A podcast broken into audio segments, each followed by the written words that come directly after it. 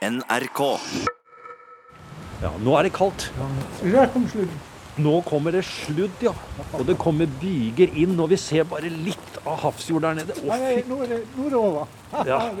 Jeg har slukket lyset på her. Jeg syns det var nok. Ja, dægen kjenn på det. Det er det vinteren altså, selv på Vestlandet. Ja.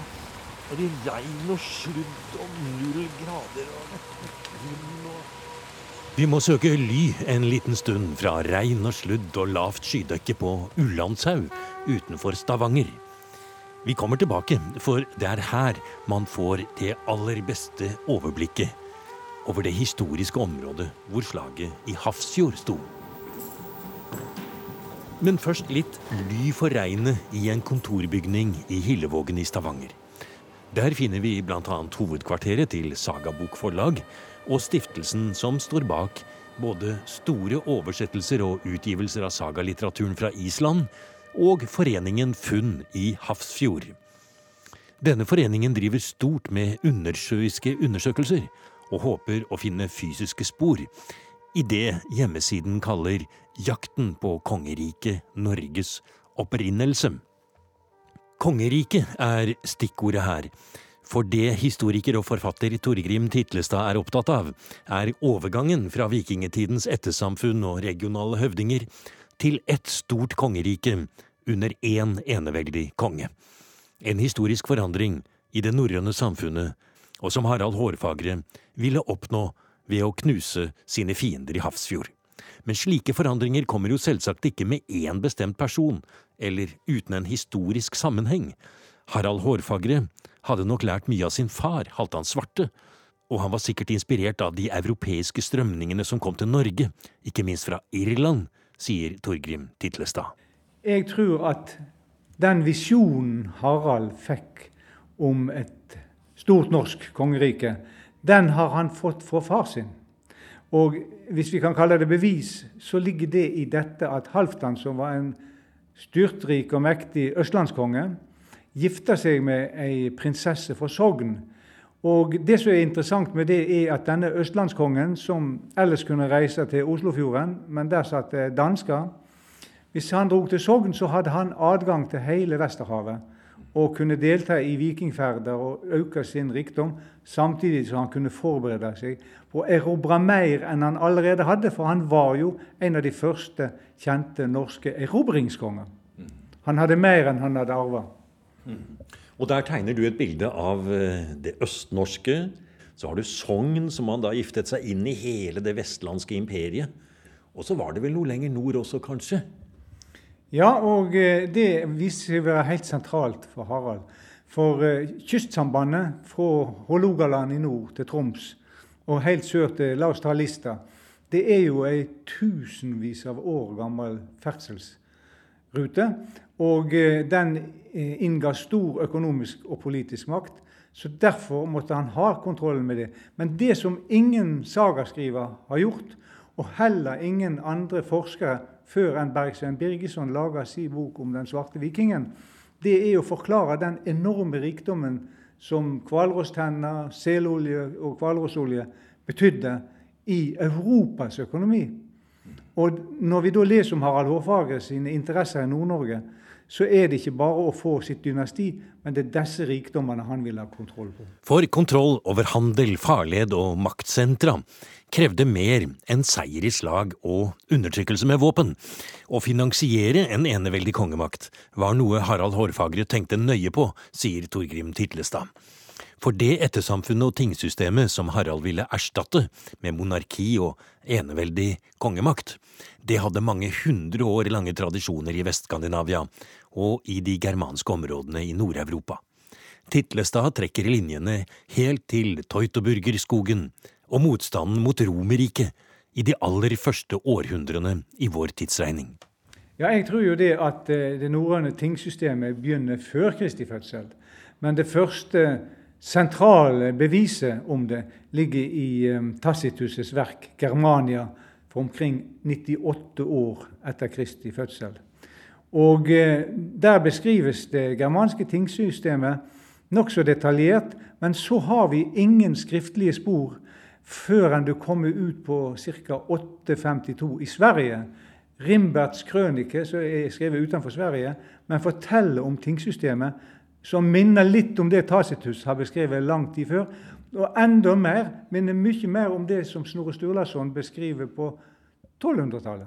Og la oss si det at fra Kristi fødsel til Harald Hårfagre så er det jo en dynamisk utvikling og forandring i tingsystemet, men de beholder de grunnleggende rettighetene. Jeg mener det at det er veldig tydelig å se av Egil-sagaen at den representerer den førmonarkiske perioden, altså da den selvstendige bonden kan gi blaffen i det kongen forlanger av han. Men det er det nye skiftet med Harald. Her kommer ei kongemakt som forlanger at du underkaster deg hans suverene envalgsmakt. Og, og, og, eh, når denne prosessen kommer, så er faktisk tingsystemet i fare for å bli utradert i Norge.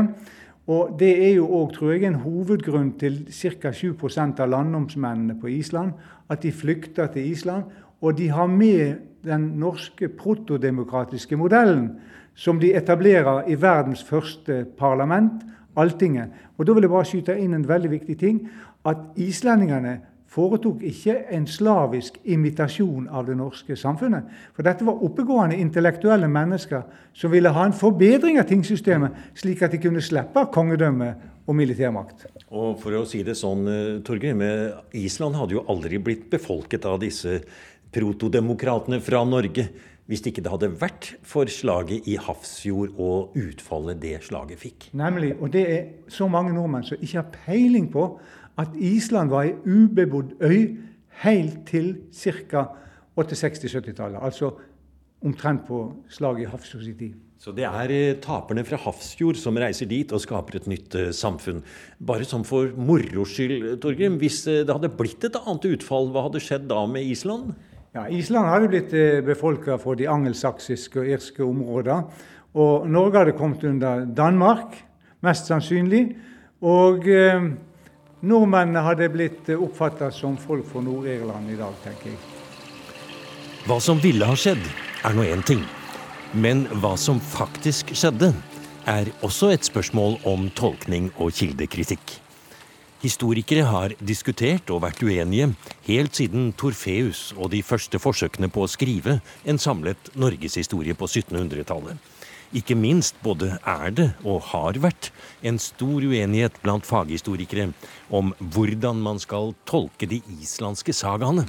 Hva er fakta, hva er diktning, hva er farget? Av samtidens politikk. Hvis vi går ut på kant og ser her nå, Torgeir, nå begynner det å faktisk klarne opp litt. Grann. Det er leia nordover. Ja. Til Karmøy, Gjørv Det er Nordveggen. Ja. Den fortsetter der. Sagakritikkens historie er spennende nok i seg selv, og det er ingen tvil om at professor Torgrim Titlestad står tydelig på den siden som ser på både sagaene, førhistoriske sagn og muntlige overleveringer som meningsfulle kilder, brukt på riktig måte. Og et sted hvor både oljenasjonen Norge, eddadiktningen og sangtradisjonen møtes, er i bakkene opp mot Ulandshaug, hvor vi skal finne et utsiktspunkt over det historiske Hafrsfjord. Ja, her, eh, Torgrim, her er det Nå har du tatt oss med høyt opp på et turområde ja. i, eh, i, Stavanger. Ja, nå er vi på Ullandhaug med det kjente Ullandhaugtårnet. Ja, Ullandhaugtårnet, ja. Ja, Det er jo et interessant navn når vi snakker om Hafrsfjord. Å, der, se her. Nå får du hele utsikten. Ja.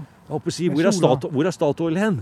Statoil er til venstre, borti hugget der. Ja, for det er jo det som Ulandshaug er mest kjent for nå, vel? Ja vel. Ja, ja, så adressen til Statoil. ja, ja, ja, ja, ja, ja. ja. nei, Dette er jo oppkalt etter en norrøn gud, ull. Og eh, det er jo dette berømte sagnet som vi har etter slaget i Hafrsjo, det handler jo om ull. Guden Ull. Ja. Og han, eh, han, er jo en gammel, viktig gud. Han skal ha vikariert for Odin i Valhall, som var krigsgud òg. Og eh, det er derfor jeg tror at det sagnet som vi har fått overlevert, om at det sto tolv bueskyttere og sendte piler nedover fjorden, de sto rett der borte. Du skjønner jo det at det nådde aldri ned til fjorden. Nå peker du akkurat som Harald Hårfagre står og peker, eller jeg skulle nesten sagt Olav Tryggvason her brast ja. ja. ikke sant? Men eh, du pekte ned der hvor bueskytterne kanskje sto under slaget ved Hafrsfjord. Før slaget i Hafrsfjord. Før, ja? Ja, ja, ja. Og det, det, som, altså, er ideen er at, og det har jo alltid vært vanlige kriger, nå bruker de jo prester og snart imamer før et slag som skal ja, å, ja, for å velsigne ja, utfallet. Ja, eller for å hisse opp. ikke sant? Og eh, da har de hatt De har ofra til ull. Krigsguden får hell i slaget dagen etterpå. Ah, så de kom hit hvor det har vært et hov viet til ull. Ullerguden Ull. Ja. Fordi de skulle ut i krigen, han nær sagt, og de Ja. skulle kjempe i slaget ved Hafrsfjord. Ja. Så kom de opp hit på dette store høyde... For det er vel det høyeste punktet nesten i hele, hele Stavanger her nå, er ikke det? ja, ja, ja, ja. Så kom de hit da for å, for å be om uh, lykke under okay, slaget. ja. Eh, og så har det vært noe lignende etter slaget i Hafjord. Og det er det spor av i sagaen, for det står at etter slaget så takker Harald alle soldater og offiserer, og delte ut gaver til noen få utvalgte. Og Ingemund, senere kalt Ingemund den gamle, han fikk en frøyamulett etter en av de fiendehøvdingene. Og det, da har de kristne sagaskriverne, sånn som jeg tolker det, de har sløyfa at dette var en stor hedensk kulthandling som takk til gudene for de vant. Og her står vi nå, på det stedet, og skuer utover det som vel du nesten syns er et av de viktigste stedene i hele Norge. Ja, det er det er absolutt. Det er her det hele begynte, det som er Norge i dag. For meg er det ingen tvil om det. det for meg er det helt klart at det Harald Hårfagre gjorde, det var en revolusjonær handling. En total omveltning på forholdet i Norge. Og eh, nå ser vi ned på universitetet som ligger på bakken rett framfor oss. Så ser vi ned i fjorden, der er Sømsøyene. Eh, og der vi tror slaget begynte, det er enten her inne på sida, eller nede i der vi ser. Vi har tatt ut i dette som foreningen i Funn i Hafrsfjord har satt i gang, så har vi tatt ut tre sannsynlige plasser der slaget starta. La oss snakke litt om eh, de historiske kildene eh, her, Torgrim, til historien om slaget ved Hafrsfjord. Ja. Eh, Du sier at dere leter med subsea og undervannsteknologi for å finne fysiske materielle spor på bunnen av eh, Hafrsfjordbassenget. Og det er det dere leter etter. Men ingenting er funnet ennå, bare så det er greit. Og du har taushetsplikt, sier du, om hva som er og sånn. Vi får se når dette Men programmet vi har, vi har jo da må ta utgangspunkt i det at for tilsvarende slag For det er jo det som er interessant. Hafrsfjordslaget er ett av et system av lignende slag i Irland og England. Og de er bokført i tidssikre journaler, men de har ikke funnet arkeologiske spor etter dem. Men hvilke andre kilder har vi? Hva slags historiske spor er det av det? For det er mange av sagaene som er litt innom slaget ved Ja, det er det. Men det, det beste belegget vi har, det er skaldekvadet av Tjodolf og Kvine, som skriver om slaget i Hafrsfjord. Eller unnskyld, han skrev ikke, han fortalte, for det var et skaldekvad. Og eh, av forskere kan det fremdeles anses som et samtidsdokument. Det er et immaterielt spor, altså et ikke-fysisk spor, i motsetning til pilespisser og sverd, som kan sies å være samtidig. Og det er veldig viktig for oss. Uansett hva som skjer i fjorden, så består fremdeles det skaldekvadet. Og husk, de lager sånne skaldekvad for de skulle vare i hundrevis av år. Historiker Torgrim Titlestad og hans støttespillere har i mange år arbeidet med å framheve sagalitteraturen som en viktig kilde til å forstå norgeshistorien. Nå er det Harald Hårfagre, Hafrsfjord og rikssamlingsprosessene som står i fokus. Men det gjelder ikke bare en kamp mellom regioner i Norge. Dette er også utenrikspolitikk, sier Titlestad. For det første så er dette et, det første store slaget som vi kjenner til ved Nordsjøen. Dette er i første rekke et nordsjøslag. For det handler ikke bare om makt i Norge. Da må du huske på at de rikeste nordmennene de bodde i Irland, vil jeg påstå. Til og med en konge. Ja, til og med en konge med navnet Olav. Og eh, de satt på store rikdommer, og de var ikke nautnere enn at de forsto at en mann gjorde krav på å bli yvirkonуnger og få envalgsmakt. Og eh, det forsto de da at han ville brannskatte de og frata de deres politiske makt. Så denne Olav Var det Olav Kvite det var? Ja. Borte i Irland. Han er redd for faktisk sitt eget maktgrunnlag der borte. Naturligvis. Og det var klart det var strategien til Harald Hårfagre. For skulle han bygge opp et mektig rike, så måtte han ha kontroll med alle de rikdommene og det som skjedde. Og eh, legg merke til sagaene skriver òg at i flere år etter slaget i Hafrsfjord, så kom det vikinghærer vestifra for å, å herje i hans rike. Eh, Så da sier du altså at det var mange mektige høvdinger. Kanskje de, mest, de med mest makt var de som var mest mot, Ja. bortsett fra Ragnvald Mørejarl. Ja, eh, han fikk vel ikke noe annet alternativ, for å si det sånn. Og eh, hvis vi ser på landnummerbok så navngir eh, lass av eh, utvandrede nordmenn, så er det ca. 7% som vi kan si utgjør en politisk opposisjon. Så den er ikke så stor tallrikt sett, men du kan godt si det er en god del av kremen av Norges intelligensia og businessfolk som utgjør denne gruppa. Slaget i Hafrsfjord i året 872 var ikke noe som skjedde på kort varsel, sier Torgrim Titlestad. Alt var nøye planlagt. Minst mange måneder på forhånd. Jeg tenker meg at dette var godt forberedt. Altså, Det står han hørte rykte om et opprør. Og så begynner han å, skrive ut styrker og seile sør forbi Trøndelag, nedover langs kysten og samle menn og skip. Og Da må du regne med det at de har sannsynligvis peiling på tidspunktet eh, utpå som- sensommeren. Og, eh, og da, som sagt, sånn som enkelte har framstilt det på en latterlig måte, det at var noe, de, her var de siste bygdetullingene som han slo ned. Det er jo en total misforståelse av dimensjonen på dette slaget. Og der kommer det med det utenrikspolitiske, for det er jo morsomt med Harald Hårfagre. Eh, at når du leser om livet etter Hafrsfjord, så f.eks. han har jo sendemann i England, kong Adolfstein. Han har sendemann i Russland, Hauk Håbrok. Han har sendemenn til Danmark for å få ei dronning. Så ikke fortell meg at ikke de drev med utenrikspolitikk, selv om de ikke hadde noe utenriksdepartement som vi har i dag. Men så er det stedet. Det blir et avgjørende slag med flere hundre krigsskip til sammen. Det er mye som står på spill, og stedet må velges med omhu. Men det har Harald Hårfagre tenkt på for lenge siden, sier Titlestad. Han har valgt Hafrsfjord, som jo egentlig ikke er en fjord, men mer et stort og lukket havnebasseng med kun én vei ut og inn. Ja, ifølge det vi vet i dag, så er det korrekt. Det er som en flaskehals. Ja. Og så ligger det ei rund flaske inni fjorden. Ja. Det er ingen stor fjord, men den er stor nok. Og det som er poenget med denne fjorden, er jo det at i utgangspunktet har det vært ei samling helt tilbake til første århundre etter Kristus for skip til forsvar og åtak. Det er en sjøborg. Ja, Det er nemlig det det er. Og eh, går du etter det første århundret og fram gjennom, så legger de jo på seg med flere og flere naust.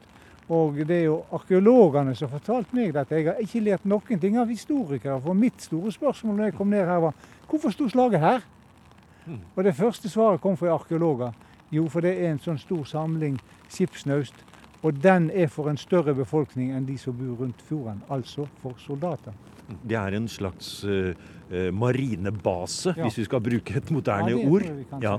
Eh, Og grunnen til at det er så viktig akkurat i det området vi står i nå, når vi tenker oss tilbake til tiden hvor eh, roskipene, som vikingskipene var, med enkle råseil på, eh, når de skulle navigere langs kysten her, så var det det mest livsfarlige stedet nesten på hele Det er jo et par andre steder også, men det, her på Jærområdet, det var ikke et sted man hadde så veldig lyst til å gå forbi i dårlig vær. Nei, det står til og med nevnt en av sønnene til Harald Hårfagre. Han drukna utfor her.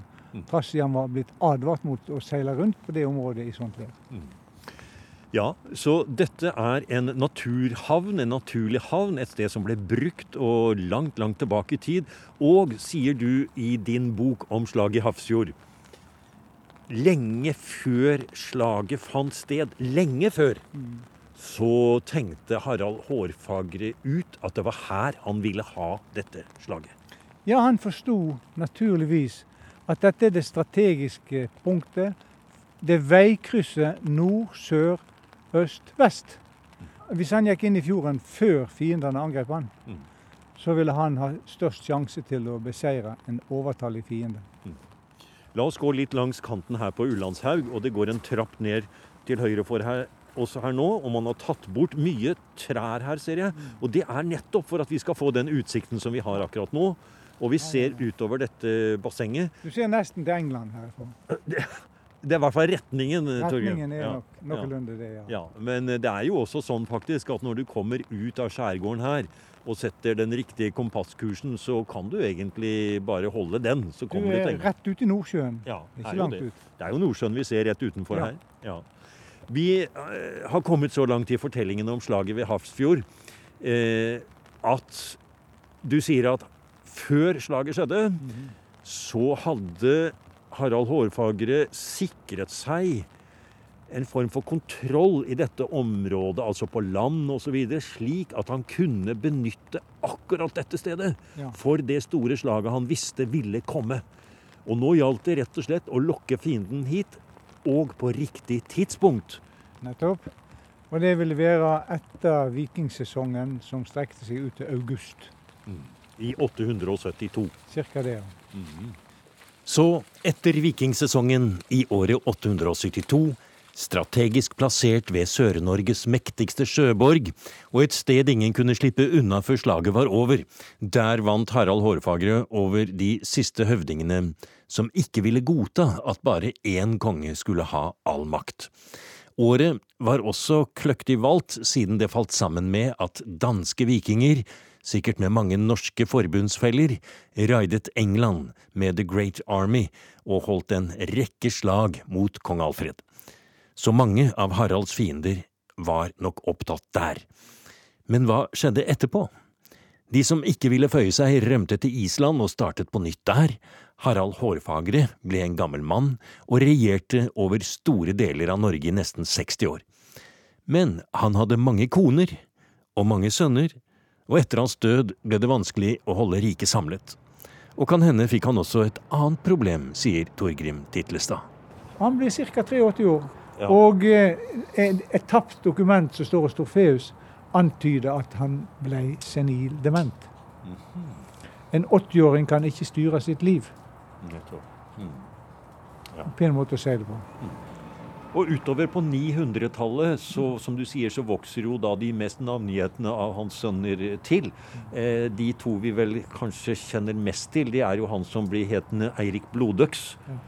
Men det er en annen også, som har vært i England. og han kan, Vi har jo allerede nevnt at Eirik Blodøks han er litt mer som faren. Og han havner som konge i York og er en skikkelig eh, viking.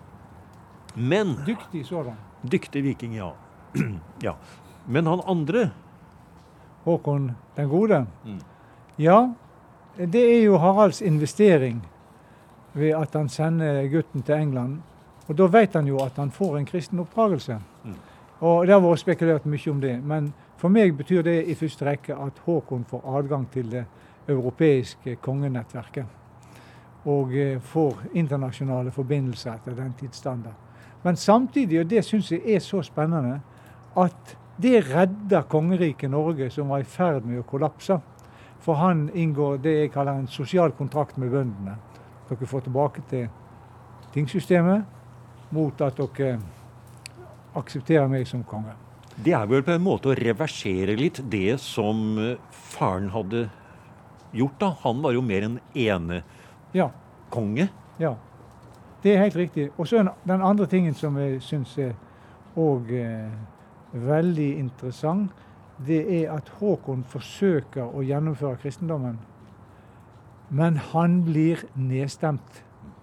Og eh, det som ingen har tenkt så veldig på, det er at bøndene, det var jo trønderne som stoppa den kristningsprosessen, som nok hadde kommet langt lenger på Vestlandet på frivillig basis, det er det at eh, det ga et rom for religionsfrihet. Og det har vært undervurdert. For det at når så eh, Eirik Jarl og eh, Svein Jarl overtar Norge under dansk kontroll, svensk kontroll i ca. årtusen, så gjeninnfører de religionsfridom. Altså Olav Tryggvason fjerner den, og så får de problemet med Olav Haraldsson. Så vi må være oppmerksom på at en del av dynamikken i den politiske maktkampen, det er kamp for religionsfridom. Det står en flott skulptur med tre sverd i fjellet, helt nede i sjøkanten i Hafrsfjord.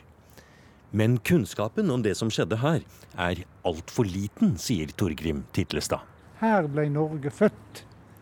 Og eh, ikke for å fornærme andre landsdeler, for um, dette hadde mange røtter før vi kom så langt. Så det var en det ble jo et barn som ble skapt. Og det skapes før slaget i Hafrsfjord, bl.a. i Trøndelag og i Nord-Norge, ikke minst. Mm. Så når noen sier at det er Stiklestad og Olav den hellige, så det er det som er vuggen til den moderne norske staten? Ja, Det er jo skikkelig vranglære. Det er jo helt utrolig at de kan si sånne ting. For det er jo helt feil. Uten Hafrsfjord, intet Stiklestad. For det, Dette er det viktige, det kvalitative skillet mellom småkongedømme og rikskongedømme som vi får med Harald. Og det er det at Harald begynner å skape en nasjonal kultur. Altså, Det er så fint skrevet i sagaene. Han fikk de unge, beste unge menn fra hele Norge, alle fylker, inn i hirden. Men Det er altså en riksside i formuleringa om hans militære elitestyrker. Og han hadde mange skaller. Og det som skiller deres skallekvad ut fra eldre skallekvad, de dikta om Norge, ikke om Møre eller Trøndelag i og for seg. Og her skapes altså ut fra den fødestua røttene til den moderne norske kultur. Du har nå hørt en podkast av programmet Museum fra NRK P2. Og send gjerne en e-post til museum.krøllalfa.nrk.no. nrk.no.